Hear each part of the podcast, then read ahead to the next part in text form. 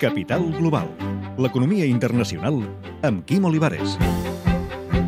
El col·lapse bancari de Xipre va fer trontollar els fonaments de l'eurozona. Quan s'ha complert un any del rescat, els xipriotes encara viuen els efectes de les mesures imposades per la Troika.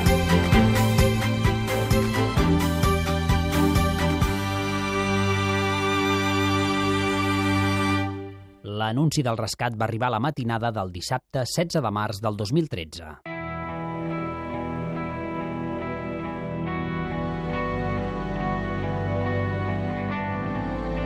Jeroen Dijsselbloem, president de l'Eurogrup. S'ha garantit una assistència financera a Xipre per protegir l'estabilitat financera tant a Xipre com al global de l'eurozona, que suposa un paquet financer de fins a 10.000 milions d'euros. 10 billion euro. euro.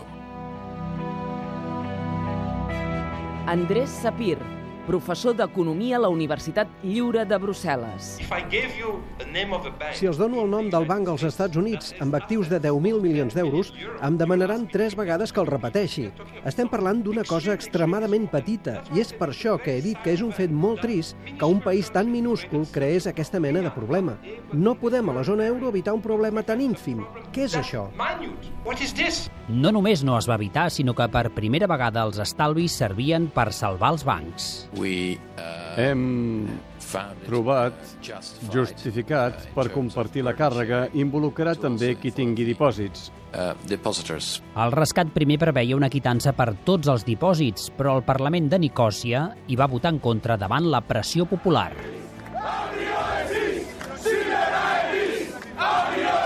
Finalment, les víctimes van ser els estalviadors amb dipòsits de més de 100.000 euros.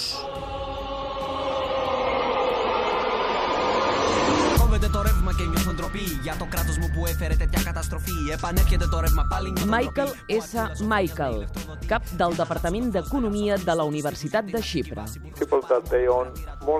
A la gent que tenia més de 100.000 euros al Banc de Xipre se'ls va demanar que fossin els nous accionistes del banc. Se'ls va prendre el 47,5% dels seus dipòsits per recapitalitzar el Banc de Xipre. La resta dels dipòsits se'ls retornarà gradualment. Per evitar un corralito, els bancs van tancar més de dues setmanes i s'hi van aplicar controls de capital, alguns encara en vigor. Però per què es va arribar a aquesta situació? Una pista. El 2009, els actius bancaris representaven nou vegades el producte interior brut xipriota.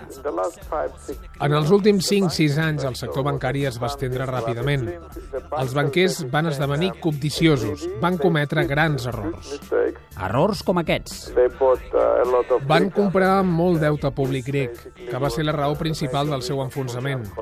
I llavors van donar massa préstecs per immobles a Xipre i també a Grècia. Però també hi ha altres responsables, com Dimitris Christofias, el comunista que va ser president fins pocs dies abans del rescat. El govern anterior no va fer res per intentar corregir el problema ni va prendre mesures per evitar la catàstrofe. I la catàstrofe va arribar. En un any, Xipre ha tingut la caiguda del PIB més notable de la Unió Europea i l'atur s'ha enfilat fins al 17%. Els xipriotes s'han de remuntar a la invasió turca que va dividir l'illa per trobar una situació similar. Aquesta és la primera vegada, almenys des del 1974, que tenim tanta gent que no té aliments per menjar i roba per vestir. Però sap, el govern, el sector privat, la gent, es mobilitza per ajudar-los.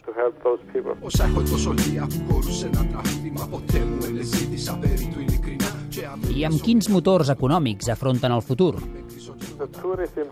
A la indústria turística li va bé.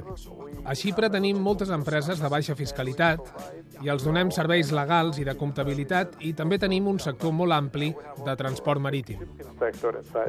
Ara caldrà, sobretot, recuperar la confiança en els mateixos que van portar la crisi. El pitjor problema que afronta ara l'economia xipriota és que la gent no confia en els bancs. I segon, els bancs no poden donar crèdit a la societat perquè la gent no paga la meitat dels préstecs atorgats i, per tant, els bancs no tenen diners per prestar.